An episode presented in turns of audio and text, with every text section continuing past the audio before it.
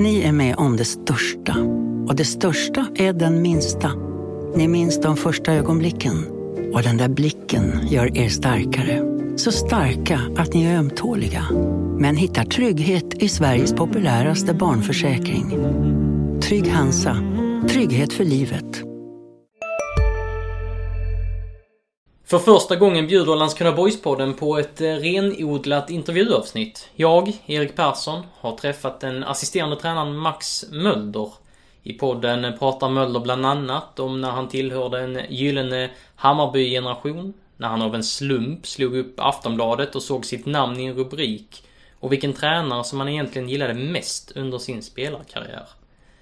Den förre högerbacken pratar också om livet som tränare, hur boys utan en scout hittar småklubbsfotbollens guldkorn och varför han hela tiden tjatar om prestationer.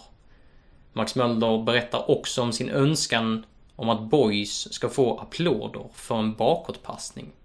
Det och mycket mer när Landskrona Boys-podden möter Max Mölder.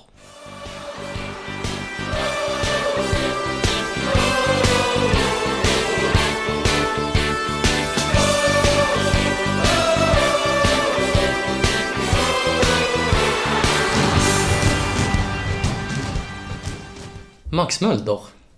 Vi sitter eh, på behörigt avstånd eh, på Landskrona IPs kansli. Det är onsdag, lunch. Mm. Vad händer eh, en onsdag dag i ditt fotbollsliv? Ja, nu har det precis varit lunch så jag har tryckt en kebabrulle här precis. Så det är det som har hänt i, i närtid. Och innan dess så har vi eh, kollat Norrby ordentligt, jag och Bill, inför, inför helgens match. Vad hittar ni hos Norrby då? Nej, men eh, jag tycker det är ett, eh, ett bra lag. Eh, Ett, lite lägre försvarsspel än vad vi mött hittills, men, men väldigt bra i det. Bra på fast situationer, vasst omställningsspel och också ett, lite lura grejer för sig med boll också. Så det blir en svår nöt att knäcka. Innan vi går in på det mer fotbollsmässiga så börjar vi med en faktaruta. Ålder. Måste alltid tänka. Jag är 36 och fyller 37. Ja, det stämmer. Det stämmer. Ja. Bor. Jag bor i ett eh, hus här i Landskrona med min sambo och två grabbar. Och då svarar du på nästa fråga, familj. Sambo och två grabbar. Tyngsta merit? Oj. Det var svårt. Har jag någon merit? Nej, jag vet inte om jag har någon merit egentligen. Eh, som, som spelare var det väl att man... Det är på ungdomsnivå att vi, att vi eh, var ett, ett väldigt bra eh, lag. Som var bäst i Sverige och gick, gick långt i det här inofficiella EM, EM-slutspelet, vad man ska kalla det. Nike Cup. Där vi åkte ut i kvartsfinal tyvärr.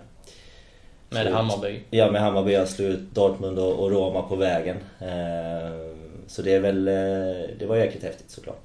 Eh, som tränare så hoppas jag att den största meriten finns, finns framför en. För den karriären hoppas jag är lång. Fotbollskarriären är ju slut så att, och, och, och förhoppningsvis mycket kortare än vad min tränarkarriär kommer att vara.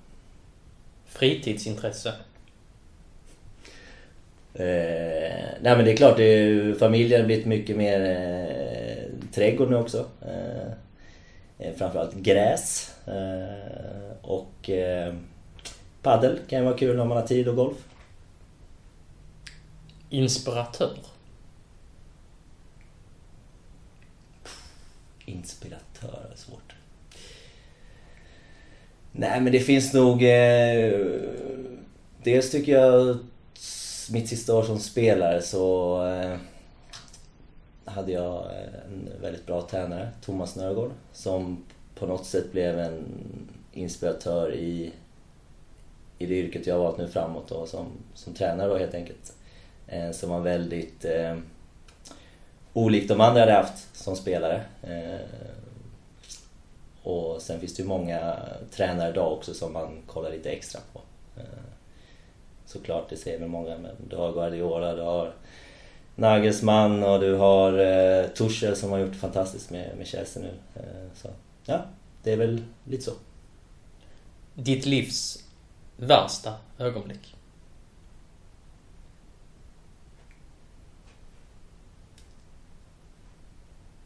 Det är bra att det är tyst.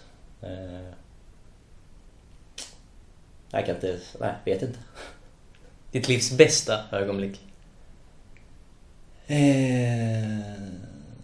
Frank och Henrys, när de föddes, var ju jäkligt eh, häftigt. Man, eh, från en dag till en annan så var man pappa, även om man visste om det att man skulle bli det. Så var det ju jäkligt... Ja, det var en helomvändning i livet. Eh, så det är ju... Det var jäkligt häftigt. Sen eh, är det klart att eh, uppflyttningen på Lucia 2020 var också jäkligt häftigt såklart. Eh, där vi äntligen tog steget upp efter hårt jobb i två år. Och nu är ni här i Superettan. Där Boys har varit så många år eh, genom historien. Mm. Ni har 2-0 mot Värnamo, 1-1 mot Öster, 1-1 mot Akropolis. Ni är ett av sex obesegrade lag i en ung tabell. Mm. Dina intryck så här långt? Att vi prestationsmässigt har börjat ganska, börjat ganska bra. Eh, vi eh, kör på vår grej och, och, och, märker att det funkar här också. Eh, vilket jag var övertygad om att det skulle göra men också viktigt för spelarna att känna att det gör. Så att det är en helt okej okay start. Det tycker jag absolut. Vilka spelare har imponerat på dig? Jag tycker det är så tråkigt att prata för mycket om vissa spelare. Enskilda spelare. Jag tycker att det har funkat bra för alla och eh, ska enskilda spelare lysa så måste också kollektivet funka. Det har vi varit väldigt noggranna med de här säsongerna också. Att, att eh, det, det är så det funkar. Eh, ska du ta nästa steg så, så måste du också vara en del av kollektivet. Har ni snuddat på er, er högsta nivå i någon av de här tre inledande matcherna eller känner ni att ni har mycket mer att krama ur? Nej, vi har mer att krama ur. Eh, vi har nog inte varit uppe på högsta nivå än. Eh, också ska ju tilläggas mycket också kopplat till, till underlaget såklart. Eh, men jag tycker att delar av första halvlek mot Akropolis är väl vår bästa prestation hittills, delar av den. Tycker jag. Men, men vi har absolut mer att hämta. Det har vi. Och det är skönt. Det här är din tredje säsong som assisterande tränare mm. i Boys. Dessförinnan har du en session som spelare här, eh, omkring 150 tävlingsmatcher för klubben. Landskrona Boys för dig, vad, vad betyder det? Det betyder eh, jättemycket. Eh, om man ska prata... Alltså jag var ju en stor klubb som, som ungdomsspelare. Även om det har blivit en större klubb idag, mer en stor klubb så att säga. Och sen på på seniornivå så var det min första riktiga klubb också. Även om eh, Ängelholm var ju fantastiskt eh, vad, vad, vad vi lyckades göra, med, göra där med Roar i spetsen. Eh, men Boys var ju fotboll på riktigt på något sätt med en supporterbas och, och många som bryr sig. Och, så blev det ju väldigt många år. Så det är klart att det betyder mycket. En stor del av mitt unga vuxna liv tillbringar jag här. Så att, det betyder jättemycket. Om, om vi kollar på ditt eh, CV när det gäller spelarkarriären så har vi ju då Hammarby på ungdomsnivå. Vi har Tyresö FF. Vi har IF Leikin, eh, Laholms FK, Ängelholms FF, Landskrona Boys, AB Köpenhamn eller Akademisk bollklubb. Mm. Och Kittarps EK. Du räknar med den också? Det gör jag. Du har några matcher. Ja, det är rätt. Det stämmer. Nådde du din eh, maxnivå som spelare? Ja, alltså det är ju, det är ju historien ju. Ja. så att det gjorde jag ju då tydligen. Eh, sen hade jag önskat att jag var en eh, fotbollsspelare idag istället. Än, än då. För att jag tycker man får så mycket mer idag än vad man själv fick. Så det har varit kul att testa att haft samma förutsättningar men haft, eh, fått växa upp idag i någon eh, riktigt bra akademi och sen vidare i, i seniorlag med, med riktigt bra tränare. Det har varit skitkul. Eh, sen behöver inte det betyda att eh, jag kanske inte hade kommit lika långt då, för då hade kanske andra kommit längre. Eh, men jag kan också känna att man gjorde för lite av sin tid. Eh, man hade mycket mer tid att faktiskt eh, träna själv och bli bättre. Det gjorde man inte, då har man bara sig själv att skylla såklart. Eh, sen kan man vända vidare på det också. Det kanske inte heller hade gjort att man blev bättre. Eh, det, det är så svårt att säga men det borde, det borde vara så. Sen var jag iväg nästan ett halvt år ute och reste. Eh, när jag spelade i Laken. Och det kan man säga, var det bortslösat? Ja, kanske. Eh, men det kanske också var det som var räddningen, att jag är kanske en av få elitspelare som ändå eh, har varit elitspelare men också kunnat göra det. Eh, så att det var ju där då jag bestämde mig igen för att verkligen satsa. Så att det, jag vet inte. Jag vill ju tro att jag inte nådde min maxnivå. Såklart. Hur nära var du Hammarbys A-lag? Får du fråga Lindroth om. Anders Lindroth? Eh, ja, nej, jag, inte speciellt nära tror jag. Det blev många U21 matcher. Det hette nog det på den tiden också, kanske reserv. Jag vet inte vad det hette. Och det var ju väldigt bra kvalitet på de matcherna mot Djurgården och AIK och, och sådana lag såklart. Eh, men eh, nära tror jag inte att, att jag var. Nej. Jag har nog lite så som Melker Heijer sa här i, i, er tidning också att jag hade nog storleken mycket emot mig på, på den tiden. Och så som jag ser på fotboll så är det ju totalt fel att ta med det i, i beräkningar, speciellt på när man är 15-16 i, i den åldern. För x antal år sedan så skrev Lasse Anrell en krönika i Aftonbladet med rubriken eh, Laget skapar stjärnorna. Fråga bara Max Mölder. Jag tror det var 2007 eller något sånt. Kan när eh, ni hade gått upp eh, mm. till Superettan med FF. Mm. Du var en del av deras lag. Du läste den texten? Ja, det gjorde jag. Det var ju, jag hade ju ingen aning om att det skulle vara en sån text överhuvudtaget. Utan av en ren slump så var jag... Eh, bodde i Halmstad då och eh, tror det här var en lördag morgon eller söndag morgon. Jag och Johan Mangfors då som också spelade i, i Ängelholm. Vi, eh, han skulle in och lägga något spel på en tobaksaffär och stod jag och väntade så tog en Aftonbladet och när man öppnade upp den så, så hamnar man av sig själv i mitten av Sportbladet. Och så såg jag den rubriken och bara okej, okay, det här var ju lite lurigt. Eh, så fick man ju köpa den såklart och så, ja, det var, det var kul. Men jag tror det var lite baserat på en eh, artikel på Hammarbys hemsida som hade kommit innan.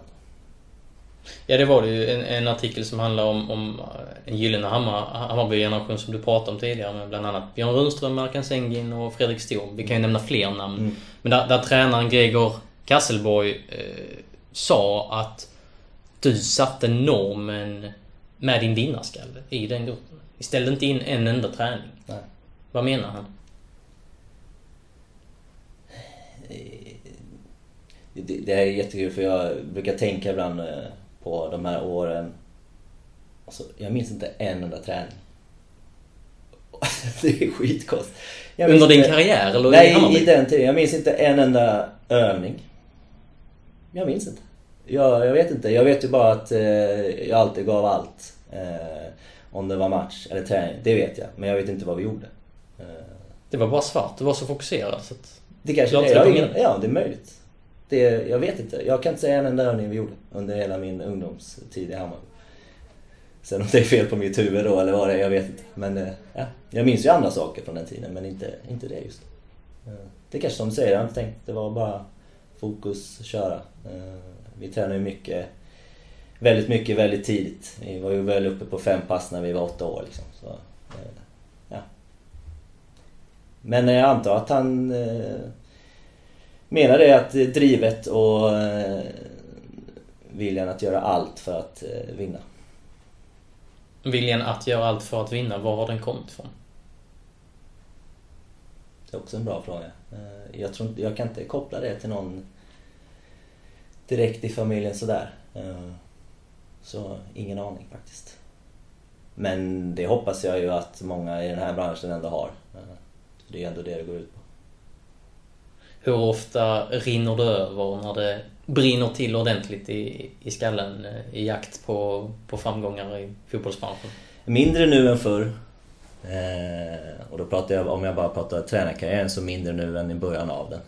Eh, det är speciellt extra viktigt när man eh, inte står längst fram eh, på matcherna. Eh, att man är verkligen fokuserad på det som händer där ute. Jag vet ju själv om man har stått längst fram så är man mer fokuserad på där bollen är och liksom eh, försöka få spelarna att springa med, ta duellerna och sådär medan man eh, sitter lite bakom så, så är det viktigt att, att, att se det stora hela på ett annat sätt. Eh, och det, så därför har jag nog blivit eh, lite lugnare. Sen eh, kopplat till de här första matcherna i år och eh, träningsmatcherna så tycker jag att domarnivån har varit så mycket bättre också så att då slipper man vara så irriterad på det.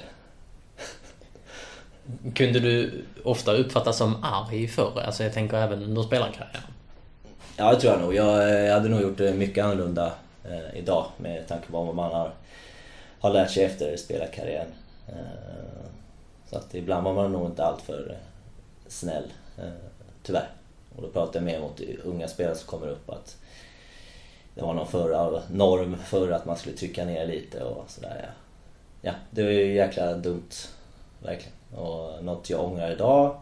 Eh, och eh, en väg jag anser är helt fel. Är det till och med så att du har gjort övertramp när man har liksom tryckt ner juniorer som kommit upp i talan? Ja, absolut. Hur då? Kan du ge någon Nej men det är väl eh, verbalt. Eh, det kan också vara att de har gjort något eh, jäkligt bra mot en själv och då kommer någon ful eftersläng eller tackling eller sånt onödigt. Eh, men också mycket verbalt liksom att istället för att försöka eh, höja och, och be en se framåt efter ett misstag så, så kan det varit att man har sagt något mindre bra, lämpligt istället som jag inte tror att höjer någon i nästa aktion. Om någon av dina spelare skulle göra så nu, hur hade du reagerat som tränare då? Nej men det har nog hänt ibland här också. Då försöker jag, vi, vi säga till direkt att det hör liksom inte hemma här. Utan eh, det är som vi var inne på i början, det kollektivet och individen, det, det hänger ihop liksom. Eh, för att vi ska lyckas så, så måste alla må bra och alla måste kunna prestera när de får chansen. För eh, sex år sedan så blev du tränare i, i Hittarp, som då låg i division 3 och du mm. tog väl dem till till som bäst en sjätteplats i division 2. Om jag inte har läst på helt eh, galet. Det är möjligt. Jag vet inte exakt var det slutar. Eh, jag skulle chansa på fem, men det, du har säkert rätt. Så man vill ju vara lite ja, bättre. Du vill förfina siffran lite. Ja, vi får väl kolla facit efter ja. det här. Ja. Um, och innan du då hamnade i Boys så var du en sväng i Lyngby i, i danska högsta ligan i en roll som assisterande mm. tränare också. Mm. Och då bytte du liksom möten med, med Ullared mot um, möten med Ajax och Bröndby. Mm. Hur var den resan och de kontrasterna som du var med om där eh, under den, eh, under den tiden?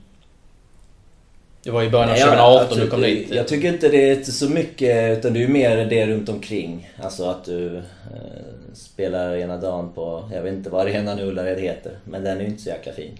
Eh, och sen är det Parken eh, någon månad efter. Så det är klart att det är den största kontrasten tycker jag. I övrigt är det ju fotboll eh, och fotbollsspelare. Eh, där eh, såklart de spelarna du, du tränar är bättre men där motståndarna också är, är mycket bättre. Så det blir ju ungefär samma liksom. Fast på en annan nivå. Så där tycker jag inte det var så speciellt. Och sen var det en jäkligt eh, fin och familjär klubb, eh, Lyngby såklart, som vi tyvärr hade, ja, där själva klubben tyvärr hamnade i lite jobbigheter när jag var där. Men, men eh, jag tycker inte det är så stor skillnad, det är fotboll Ja, det var ju konkurshot över hela klubben då. Ja. Och du var där under en ganska kort tid. Var det ändå viktigt för din tränarkarriär att komma upp på den nivån efter x antal år i, i division 2 och division 3? Vad liksom gav de månaderna dig? Nej men det är klart att det var ju ett kvitto på att eh, jag hade gjort något bra, att någon tyckte det. Eh, i, I en högsta liga i, i, ja, i Danmark då. Eh, så, så, det var ju bra såklart. Eh, och, Eh, men i övrigt så liksom det går så snabbt, man går från det ena till det andra så är man fullt fokus eh, där och då liksom. Eh, så att man hinner inte tänka så mycket. Sen blev det ju en kort period, det var ju för att vi gjorde det så dåligt. Som, som tränarstab och då fick vi ju sparken och det var ju inte mer än rätt. Så då har man ju fått sparken också, det kanske är positivt framåt. Att man, att man har känt på det också. Hur var det att få sparken? Nej, jag tyckte det var helt rätt. Eh, dels åkte vi ur. Eh, även om det fanns många förklaringar eh, men för det med tanke på situationen som rådde. Men vi åkte ur och jag tycker inte att det teamet vi hade funkade på ett bra sätt. Alla var jätteduktiga på sitt men vi fick inte ihop det som stab. Och då är det inte mer rätt att, att man behöver en ny stab. När du och jag gjorde en intervju i februari 2018, när du var i Ljungby, så sa du citat Jag hade en spelarkarriär där jag var i fina klubbar, men jag har ofta känt att jag har saknat mycket av tränaren. Mm. Vad ja. menar du? Sen kanske det var den tiden också.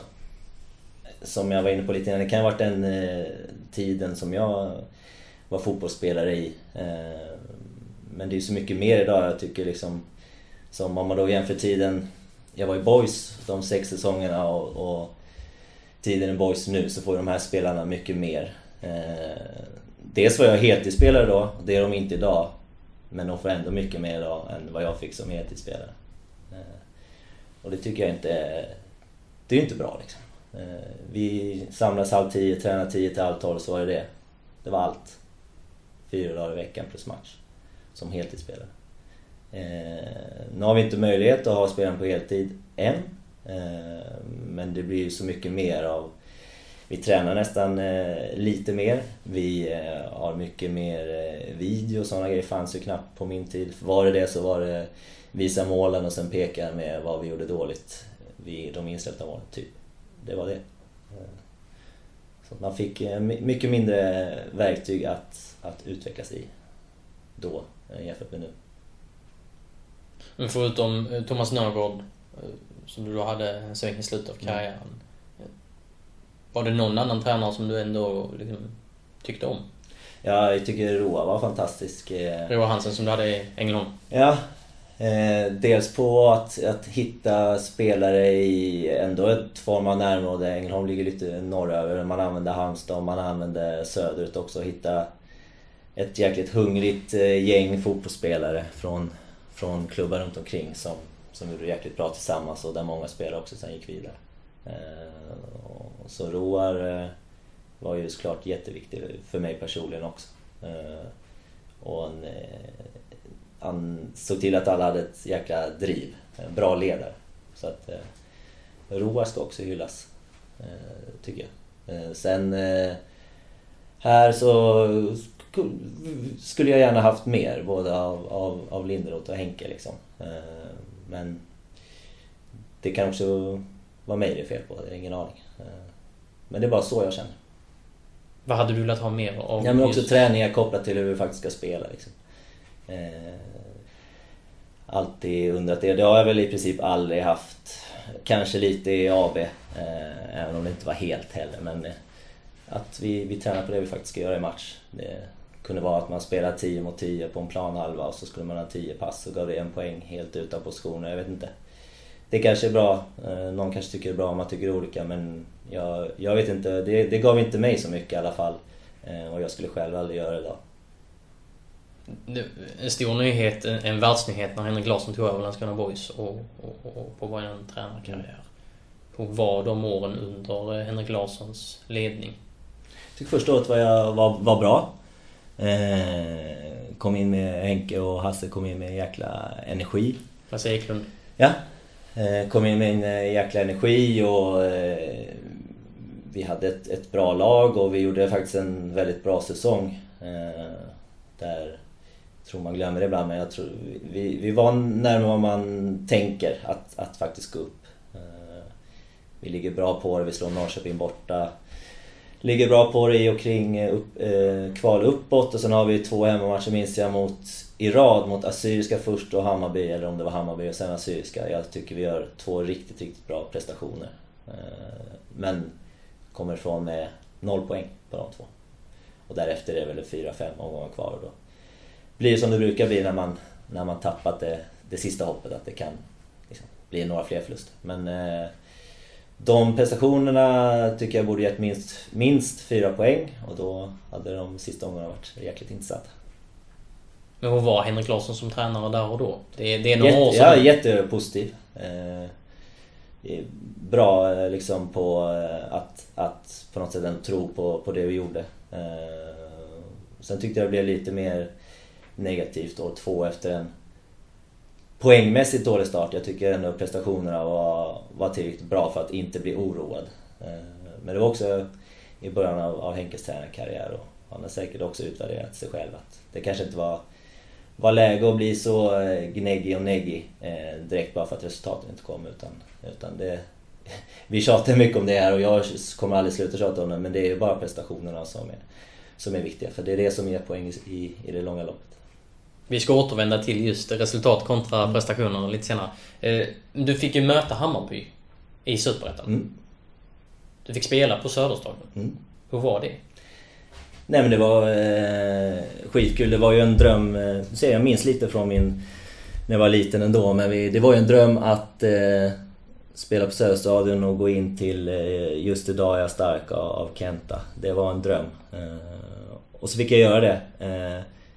I eh, ja, fel, fel färger inom citationstecken. Eh, men det var randig tröja jag gick in med. Och det var skitmäktigt. Eh, och så stod eh, Björn Runström på, på led i motståndarlaget också, en av mina bästa kompisar under, under ungdomstiden. Så det var ju jäkligt häftigt. Och sen var det ju en tråkig match på det sättet att vi leder med 1-0 och eh, Mike Sema gör mål i 88 och 92 och vänder på det. Eh, och jag minns bara när man går i bedrövelsen, går upp mot avspark eh, efter 1-2 målet där så är det ändå gåshud på något sätt för det, det är 10 005 var det väl alltid va, som var fullsatt.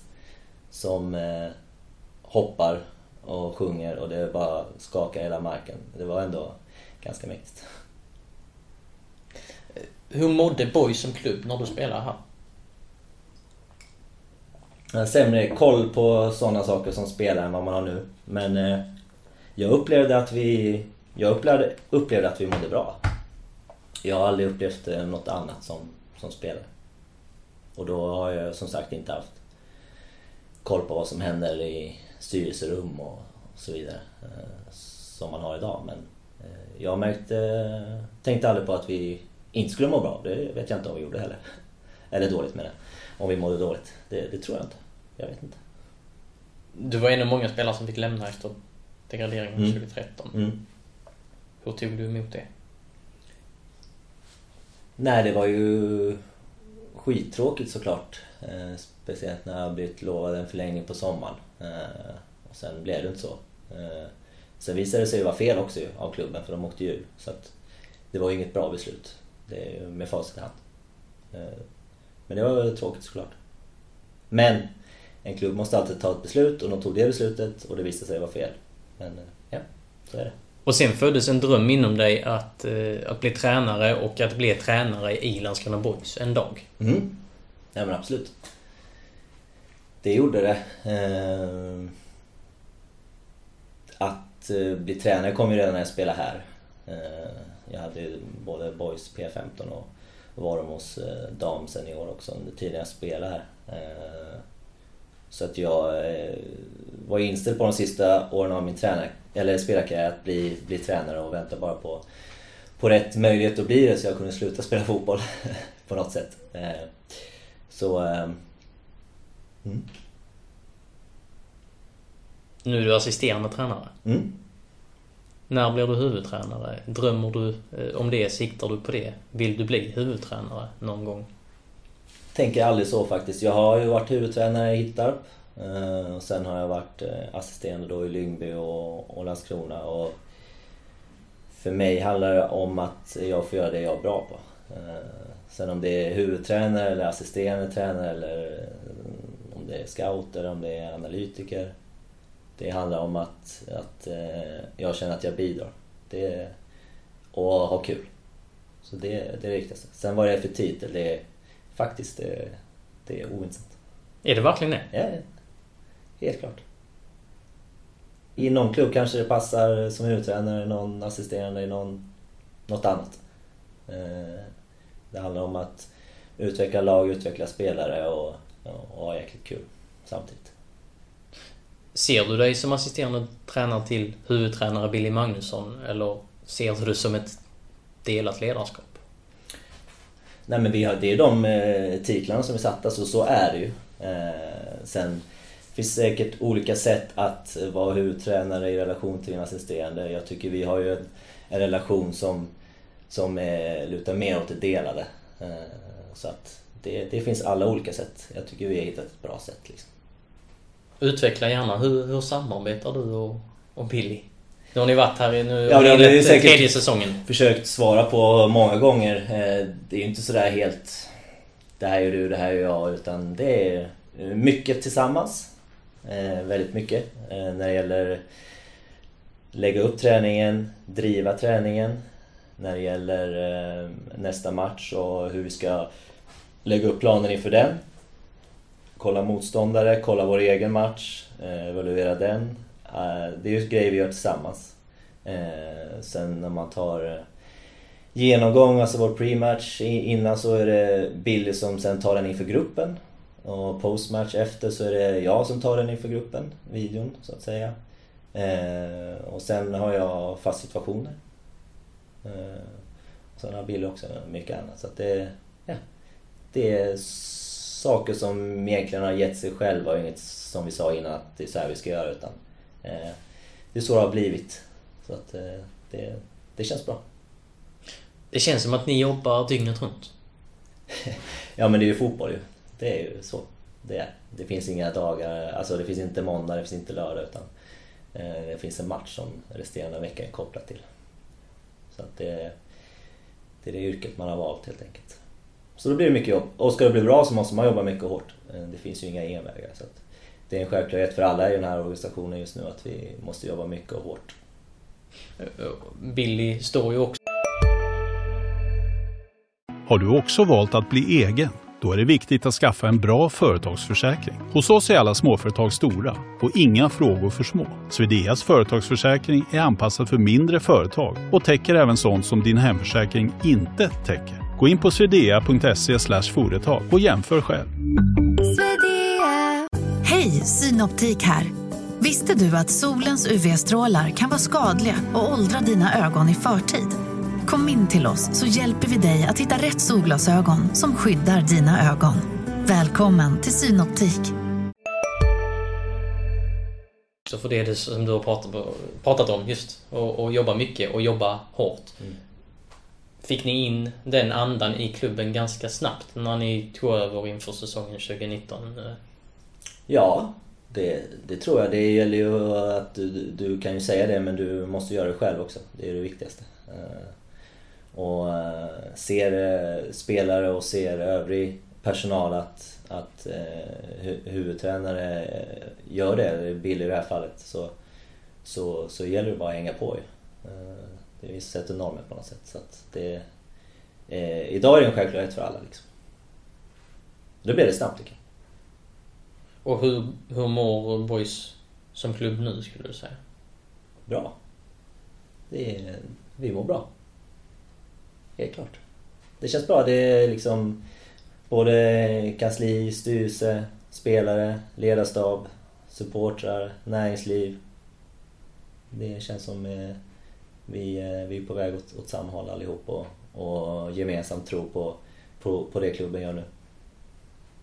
Vad, vad, vad är liksom strategin framåt? Var, var ska ni? I vilken riktning?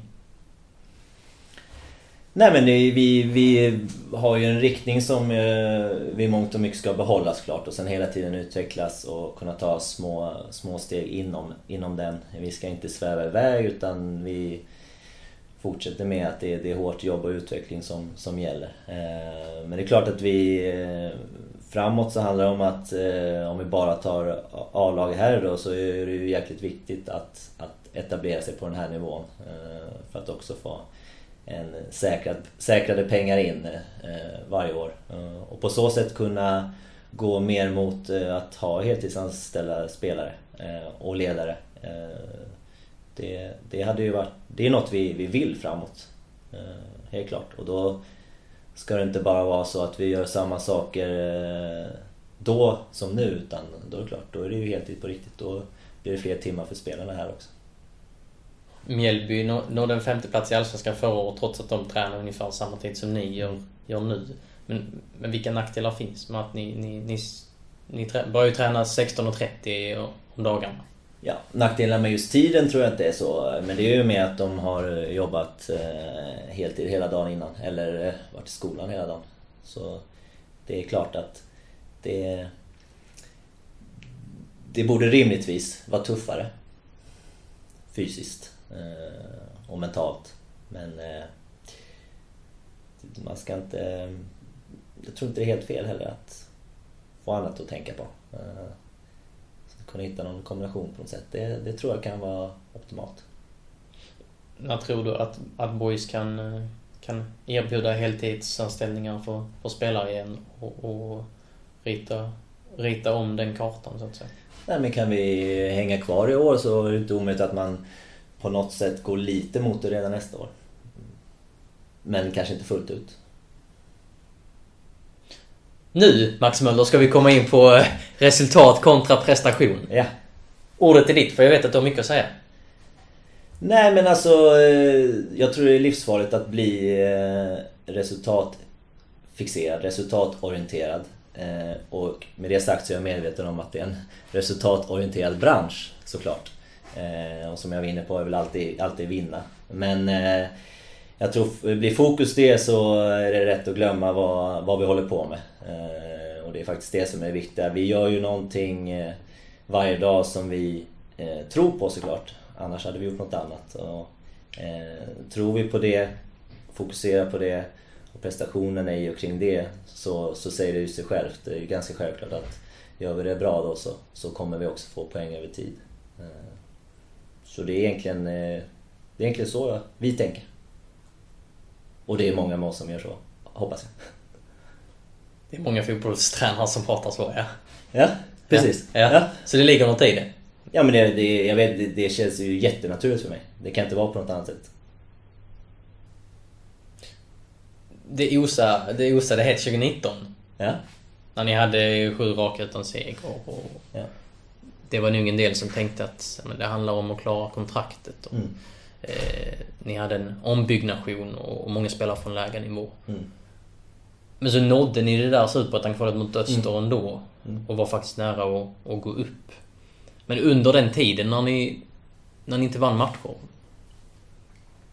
Du och Billy Magnusson, hur tänkte ni under den perioden? Just med det här i åtanke. Prestation kontra resultat. Och att ni var Landskrona Boys mm. i Sveriges tredje division. Mm. Nej, men det är ju, det är ett, det är ju ett typexempel för eh, jag var helt, eh, helt lugn Helt lugn. Är inte det en efterhandskonstruktion? Nej, nej, nej. Helt lugn. Jag är helt lugn. Vi eh, hade prestationer som började för att det här kommer vända. Eh, sen var det ju delar i prestationerna som vi var tvungna att bli bättre i såklart. Men det var väldigt tydliga saker liksom. Och det här menar hade man blivit eh, för resultatorienterad och stressad och som, och det förstår jag, supportrar är ju resultatorienterade på ett annat sätt generellt. Hade man tagit den stilen på så hade det kunnat gå åt helvete.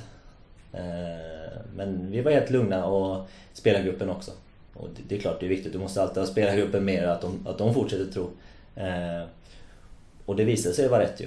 Att det, det, det var ju verkligen typexempel på att, eh, att jag tog det rätt väg att tänka.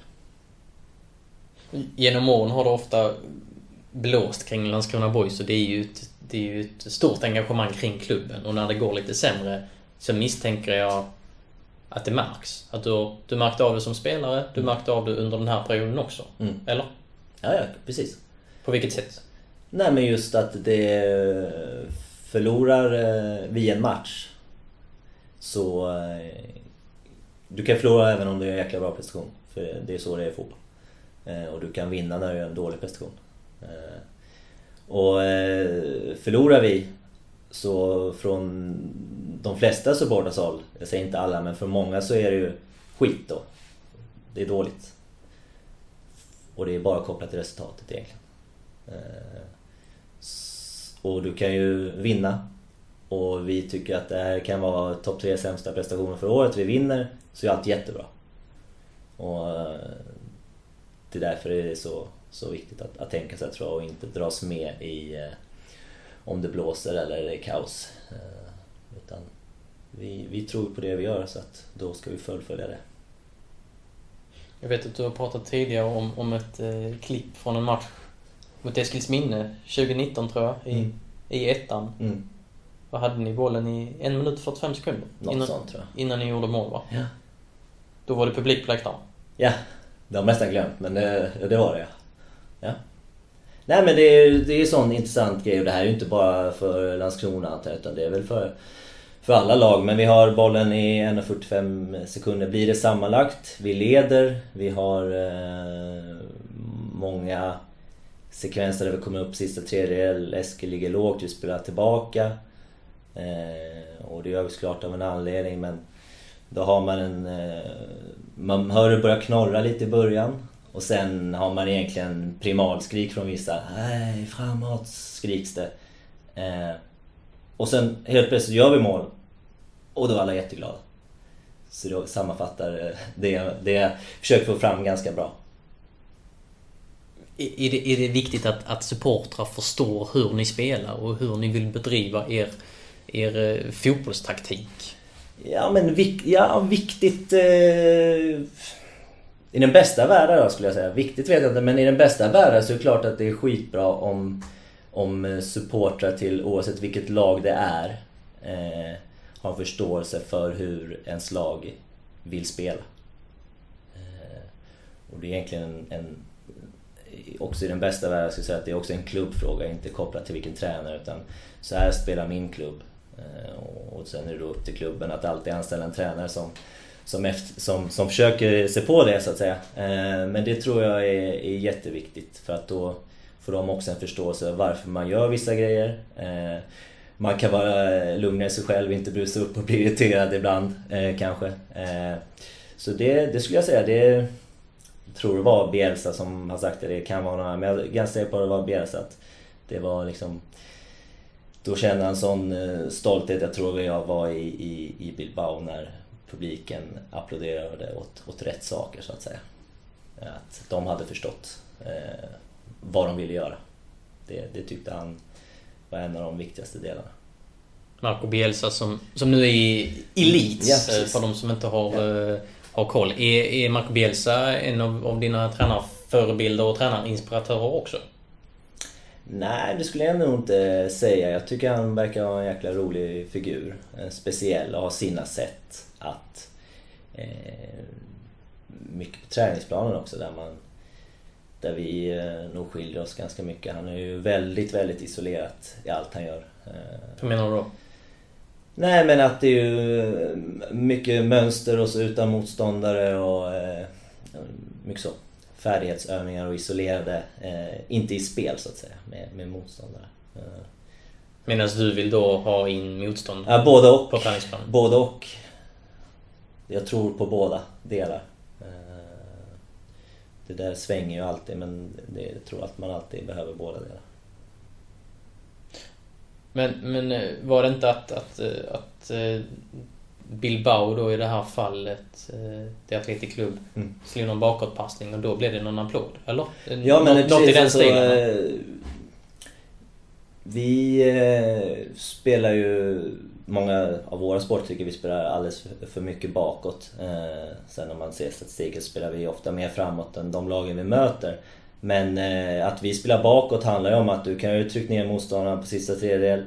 Vi vet hur svårt det är om de ligger i någon sexback och två, tre mittfältare framför, någon forward eller två och så ska man liksom tränga sig igenom det och vi kan slänga in bollar där i straffområdet men det är ju bara högriskpassningar, det är bara på chans. Eh, bollen kan ju... Troligtvis är det de som vinner bollen efter det.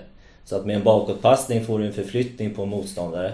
Där förhoppningen är att, att eh, den uppflyttningen inte är så synkroniserad så att det blir större hål mellan, mellan motståndarens lagdelar. Och det, är ju det, det är ju det vi vill. Liksom. Så att det är ju, finns ju alltid en, en mening med det. En eh, bakåtpassning kan ju ofta göra att vi i slutändan gör mål. Hade vi bara slagit in bollen så hade chansen varit mindre. Så att, det är inget vi gör för att vi tycker det är kul utan det är något vi gör för att vi tror att det skadar motståndarna. Medan du upplever det som att eh, lite slentrianmässigt så suckar eh, folk gärna åt en, åt en bakåtpassning för att målet står ju faktiskt på andra sidan. Och det är dit man ska. Ja, det är dit man ska i slutändan. Absolut. Eh, sen vill vi eh, komma närmare målet eh, fler gånger än vad vi gör. Det är ju någonting vi hela tiden vill utvecklas i. Men eh, jag tror inte att vi eh, kommer skapa mer genom att slå in bollar på chans. Utan eh, vi, vi vill in mellan motståndarnas lagdelar. Det vill säkert alla lag i princip. Men det är ju ett sätt. Och det är ganska tydligt om, om vi tar City då som leder Premier League, som är en jäkla bra liga som alla vet, så, så har ju de mest bakåtpassningar av alla. Sen är det klart, sen har de mycket fler passningar än alla andra också. Men det säger ändå något. Men högst jubel vid mål såklart. Men du hade gärna fått en liten applåd för någon eh, smart eh, bakåtpassning också. Ja, och det får vi säkert. Det finns säkert folk på vår läktare som har total koll eh, på, på vad vi vill göra. Eh, jag tänker bara att det måste... Det hade... Hade jag varit supporter hade jag tyckt det var jäkligt skönt att veta precis eh, vad mitt lag ville göra. På något sätt. Det hade varit att skönt att, att följa med och få en tydligare bild och faktiskt se det. Ja, men det... Nu nu eh, ser det bra ut. Nu gör vi en bra prestation utifrån vad de vill. Eh, och nu gör vi en, en mindre bra, till exempel. Underhållande fotboll för dig? Är det, är det den fotbollen ni praktiserar? Ja, det är klart. Eh, underhållande för mig är ju en eh, vägvinnande fotboll. Och, eh, vi spelar på det här sättet för att vi tror att den är vägvinnande. Så därför tycker jag att den är, är också trevlig att titta på. Absolut. Eh, det, det gör jag. Och eh, det har ju pratats lite inför säsongen eh, som nykomling att ja, men det kommer nu bli svårare. Eh, vad händer om, om det inte liksom klaffar eh, resultatmässigt och så vidare? Har Landskrona Boys eh, en plan B som man lite slentrianmässigt säger? Mm. Eh, vad säger du om det? För ni går ju inte ifrån ert 4-3-3 och de mönsterna ni har jobbat med nu i två, tre år, gissar jag. Nej, nej. Det hade varit lite dumt tycker jag. Alltså att gå in i en eh, svårare serie och sen ändra. Eh, det, det, går inte ihop i mitt huvud i alla fall. Och eh, som svar och början på din fråga så klart att ja, det blir ju svårare för vi möter bättre spelare. Eh, så att, men då är det upp till oss att, att, att också bli bättre det är ju en process hela tiden. Spelarna blir äldre, vi får fler och fler träningar tillsammans för varje dag som går. Så att, det handlar ju, handlar ju för oss om att inse att ja, det är bättre, men vi tror på det vi gör och ja, vi måste bli bättre på det vi gör hela tiden. Så vi, vi kommer köra på med det sen. Plan B och sånt, ja, det är klart att det har ju vi också. Vi har gjort, behövt göra det några gånger. Eh, Redan den här säsongen? Vi har, ju, vi har eh, gjort det i slutet mot, mot Öster, ja. Eh, sen är det ju ingen revolutionerande plan B. Du tänker på forceringsfasen? Ja, precis. Man I, i Andreas Morbäck exempelvis. Ja, och det är att vi istället för att vi hamnar i en 2-5 så blir det en 2-2-6 till exempel. Så att då adderar vi till den spelar till. Men, men inte bara slå långa bollar utan vi fortsätter och... Jag menar, varför spelar du från start på ett sätt? Jo, för att du tror att det är bra. Eh, om det då är fem minuter kvar, varför skulle du göra på något annat sätt? Du tror ju fortfarande inte det här är bra. Eh, vi har valt det från början. Så att, ja, det var en, en liten justering som, som slog väl ut eh, den gången. Du gillar inte att spela på chans? Nej. Berätta. Nej men alltså om du... Eh, om vi då tar igångsättning då som, som en sak så... Eh, eh, finns det många lag, vi gör det ibland också såklart. Att man flyttar upp hela laget och så slår man mot någon sida och så händer något. Och det är oftast på chans, även om man kan ha tankar med hur man vill göra det. Så är det också en, det är ju en väldigt eh, hög risk i den bollen att du tappar den. Eh, sen kan det vara viktigt ibland och det är ju känna av matchen att vi har ju en ambition av att eh, sätta igång från målvakt. Med det sagt behöver inte den vara kort. Men vi ska ju ställa upp och sen är det upp till oftast då målvakt att se okej, okay, eh, vad har vi bäst möjlighet härifrån? Det kan fortfarande bli en längre passning men då finns det en orsak till det. Eh, och då är det inte eh, på chans på samma sätt. Eh, så att du har också inlägg. Eh, gillar jag inte när man bara slår in. Eh, på chans. Eh, det ska också vara kopplat till, okej okay, hur många är vi där? Hur många är de? Vad är det bättre att eh, ha en passning bakåt för att etablera? Eller en passning bakåt för att slå inlägg därifrån när eh, deras backlinje då måste flytta upp. Eh, så att nej, chansbollar tycker jag inte om. När, när vi pratar om lite bakåtpassningar och, och att värdera situationer så tänker jag på, på den spelaren som har spelat i nummer 6-position, alltså sittande mittfältare mm. inledningsvis här. Zoom Almadjed. Mm. Som eh, kom efter totalrenoveringen, efter degraderingen 2018. Eh, från Hittarp, hade gjort massa år i division 2. Mm. Du hade bra koll på honom och, och hade scoutat honom. Mm. Uh, jag tror att till Hittar, sen hann jag aldrig få honom själv hitta för då, sen stack jag till Lyngby. Uh, så jag hade bra koll på honom. Han är ju, jag brukar uh, likna han lite vid Kristoffer uh, Tapperholt på det sättet att... Uh, Före boyspelaren? Ja, precis. Mm.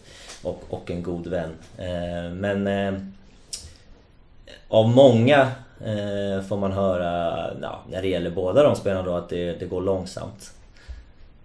Ja, det kan det se ut att göra men man ska också komma ihåg att de har det modet att alltid vänta in en press och med en passning slå av en hel lagdel. Och då är frågan... Hade de spelat snabbt på ett i sidled eller något och sen någon passning till och sen någon passning till och sen kanske vi hade uh, hittat in bakom andra presslinjen. Eller ger det mer att hålla i bollen 0,78 hundradelar längre för att sen passera en med, med en passning. Uh, så att, uh, jag är ganska övertygad om att det, det går snabbare på det sättet. Är det viktigt att, att ha mest bollinnehav i en match? Nej. Varför? Nej men det tycker jag inte det är. Det är ju helt och hållet vad du, vad du gör av bollen av ett. Sen är det kopplat till vad motståndaren gör. Jag menar, möter vi ett eh, lågt lag så kommer det till sig naturligt på sättet vi spelar på att vi kommer ha mer bollen än motståndaren. Eh, därför att vi kommer inte forcera någonting utan vi kommer vänta på rätt läge. Eh, möter vi lag som eh, har en högre press eh, då ska vi spela mer framåt. Eh, Eh, och då kommer våra anfall också av det bli kortare eftersom att om vi lyckas med våra passningar framåt så kommer vi slå ut eh, fler spelare. Eh, och då vill vi attackera snabbt. Så att nej, det är kopplat till vilka man möter och så blir det vad det blir. Men det gäller att göra något bra av det. Zuma Almadie, det är ju en av spelarna som har ett förflutet i Hittarp. Vi har Niklas Nielsen, vi har Viktor Wihlstrand, vi hade Kalle Lindell mm. som var här. Eller mm. ni hade mm. eh, såklart. Eh, du har varit i Hittarp. Eh, Michel Ekberg, klubbchefen, har varit i Hittarp. Mm. Eh, ni har Mattias Hallberg på medieavdelningen nu. Exakt. Det är kanske någon jag har glömt. Eh, det tror jag inte va? Nej, det var nog alla. Är det du som ligger bakom eh, den här Hittarpskolonin? Nej, alltså om man ser till spelare så klart att eh, eh, jag hade bättre koll på Zomar, Vilas och Lindell än vad Billy hade. Eh, även om Billy hade koll på Vilas i alla fall och, och Lindell också. Eh, och sen eh, när det gäller Michel så eh, vet jag vilket otroligt bra jobb han gjorde i Hittarp såklart. Och det har väl jag eh, låtit meddela de som bestämmer att jag vet vad han kan. Eh, sen eh, vet ju både Michel och, och jag vad, vad Mattias Hallberg kan. Det var med på, på Michels eh, bevåg. Och det har ju blivit jäkligt bra. Och Niklas Nilsson. Och Nilsson också ja. Precis. Ja men det är klart. Det, det visste vi alla. Eh, det är mer en boysare än en hittarpare så att säga. Vågad rekrytering eller hur ser du på det? Ni, ni hämtar honom från... Nilsson? Ja, ni hämtar honom från division 5 ja. och, och han, ja, han var ju fotbollsinvalid mm. och eh, var en av era bästa målskyttar förra året. Ja, ja. Nej men vågad, det kanske var... Jag har inte reflekterat om det var vågad men eh, vi tog ju han för att vi trodde det skulle bli bra ju. Eh, det var ju inte av någon annan anledning. Det blev ju, blev ju jättebra. Det, Niklas överträffade nog allas förväntningar. Eh, kanske även sina egna, ingen aning. Men, eh, så det blev ju blev en bra träff. Det var ju viktig, väldigt viktig förra året. Men du låg bakom den? Värvning? Nej, nej, jag och Billy. Så att det var, det var vi båda. Kunde du tro på dig själv att han skulle kliva fram så som han gjorde? Och, och, men han spelar ju hela matcher också. Och, och höll eh, rent fysiskt vad det verkar. Det med att han ja, kunde spela 90 minuter. det hade vi en tro på. Annars hade vi inte eh, ringt honom.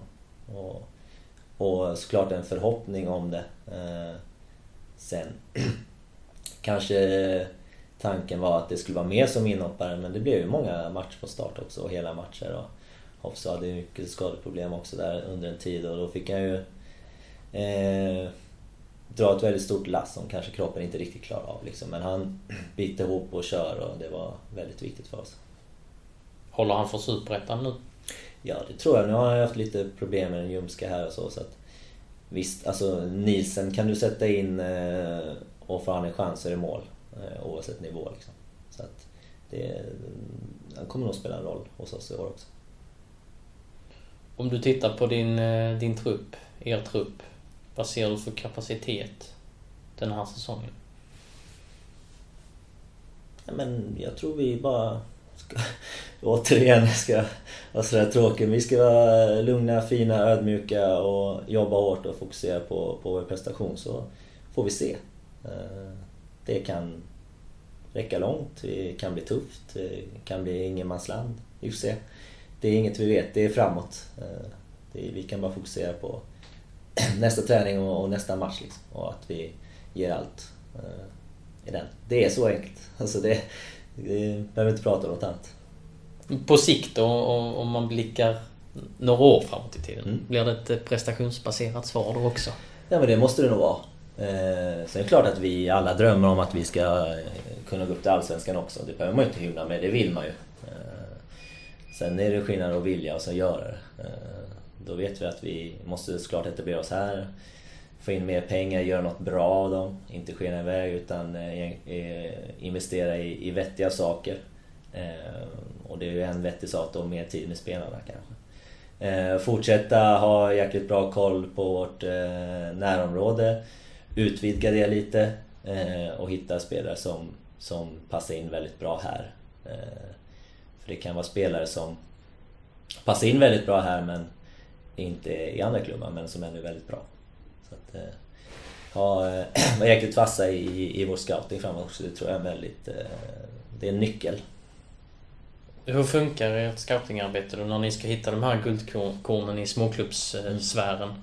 Nej, vi har ingen nu ju som bara är dedikerat till det utan det blir ju vi också eh, på något sätt.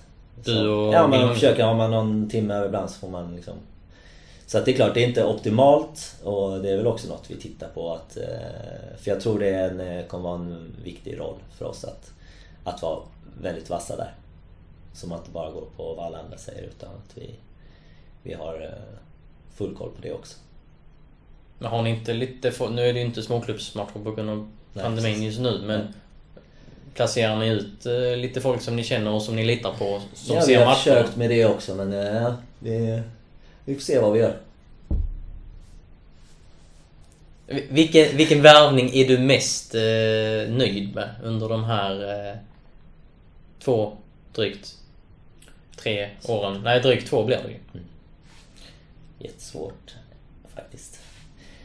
Det är inget jag reflekterar Jag skulle nog behöva tänka på det lite längre. Jag kan inte ta det på uppstuds. Vi vill ju ha namn! Ja, jag förstår. Jag förstår. Ni vill det.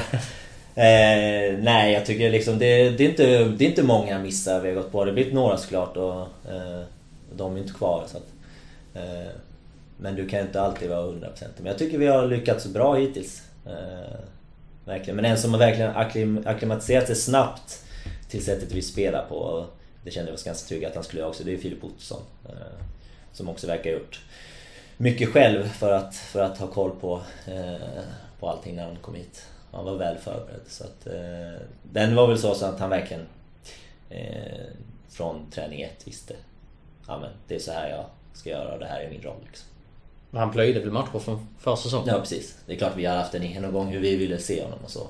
Såklart. Men eh, efter den så verkar han ha plöjt väldigt många matcher så det är ju, det är ju, det är ju bra. Ni tog Patrick Wadike från Vormo. Han hade... Ja, jag glömde. Ja, sorry. Ja. Jag kanske skulle svara Patrick då. ja, nu ja, gör jag det ja. dig. Men han hade ju 16... Men nu tänkte 16 jag bara som var här just nu. Men Patrick ju, var ju, det var ju fantastiskt. Vilken... Eh, ja, det är coolt. Eh, nu hoppas jag att han... Eh, han har någon skada nu men... han borde ta en plats där också tycker jag. Så att, han kan bli hur bra som helst.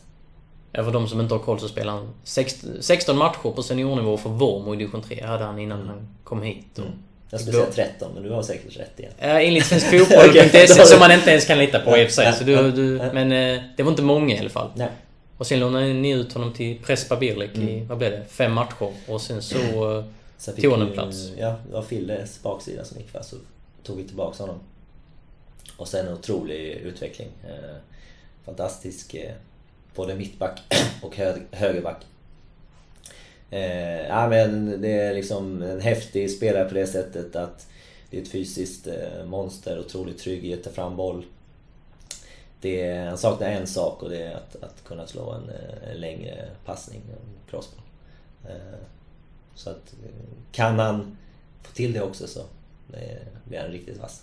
Och nu är ni Sirius i Allsvenskan. Var, var tycker du att de ska placera honom? Ska han vara i, i trebackslinjen eller ska, ska han vara Ja, de vill wingback? spela lite ibland treback, ibland fyrback va. Eh, ja, en riktigt bra position är någon som yttre mittback i en eh, treback. Han klarar ju tvåback hur, hur lugnt som helst också. Så. Eller wingback eller ytterback då beroende på om de spelar fem eller fyra. Eh, alla de positionerna klarar han av. Sen tror jag inte han hade varit dum att slänga upp på topp heller. Han får alltid med sig bollen på något sätt. Så. Eh, Och året innan det slog Jakob Ondrejka Mm. igenom här. Han kom ju från ungdomslagen. Från ingenstans Ja. kändes det som. Och nu då? 2021. Mm. Eh, Du sa i någon artikel att eh, det kan bli eh, vem som helst i princip som Mm. slår igenom. Att eh, Mm. alla hade tagit, eh, tagit en plats i en allsvensk trupp. Mm. Men om du ändå ska ge oss något namn, vem slår vi igenom år? Slår igenom får man ju ta någon som, in, som inte pratas om redan ju. Eller? Ja, du kan tolka det hur du vill. Du får gärna ta någon som, eh, som inte har blivit upplyft tidigare. Ja men eh, för jag menar Filip Olsson och, eh, och Jensen pratas det ju redan om mycket. Jag skulle säga att Melker Heijer eh, borde nog folk börja ha koll på också. Vad är det Melker Heijer har i sin vaktexlåda? Även otrolig bolltrygghet, eh, smart. Eh, har blivit eh, bättre på att försvara och förstå vikten av det och också förstå intensiteten i det. Eh, kan användas så som vi spelar både som, som åtta och ytterforward. Så att eh, mm, han eh, kan bli väldigt, väldigt bra och är bra redan. Hur nära är han en startplats? Nej men nära, det är ju nära för många eh, hela tiden. Det är ju träningsveckorna som avgör och prestationerna i match. Eh, och nu har jag haft fyra U21-matcher också.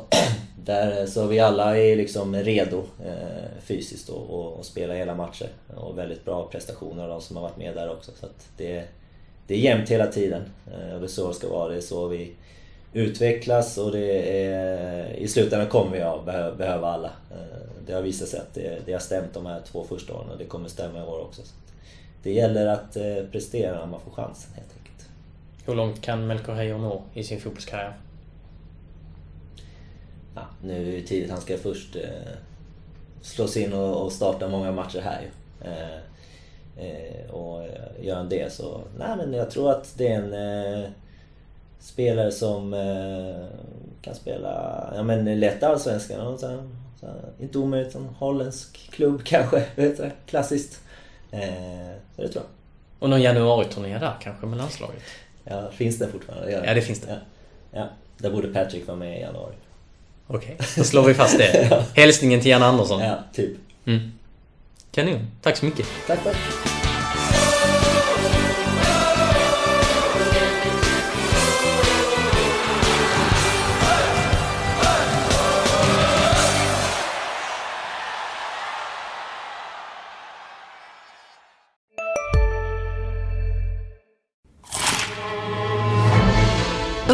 Upptäck det vackra ljudet av McCrispy Company för endast 89 kronor.